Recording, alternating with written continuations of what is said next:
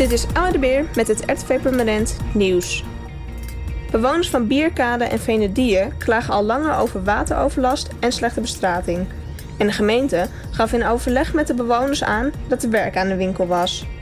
Maar nu maakt de gemeente toch pas op de plaats, staat in een brief aan de bewoners. De reden?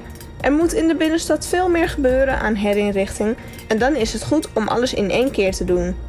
Maar de oorzaak van het wateroverlast wordt wel snel aangepakt.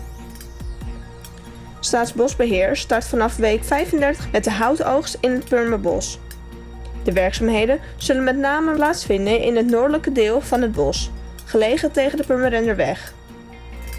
Het zagen vindt plaats in combinatie met een kraan en neemt ongeveer een maand in beslag. Plaatselijk kunnen de werkzaamheden voor hinder zorgen. Mede doordat tijdens de uitvoering de wandel-, ruiter- en fietspaden tijdelijk niet of minder goed bereikbaar zullen zijn. In het bos is te zien waar de afzettingen zijn. Voor meer nieuws, kijk of luister je natuurlijk naar RTV. Volg je onze socials of ga je naar rtvpermanent.nl.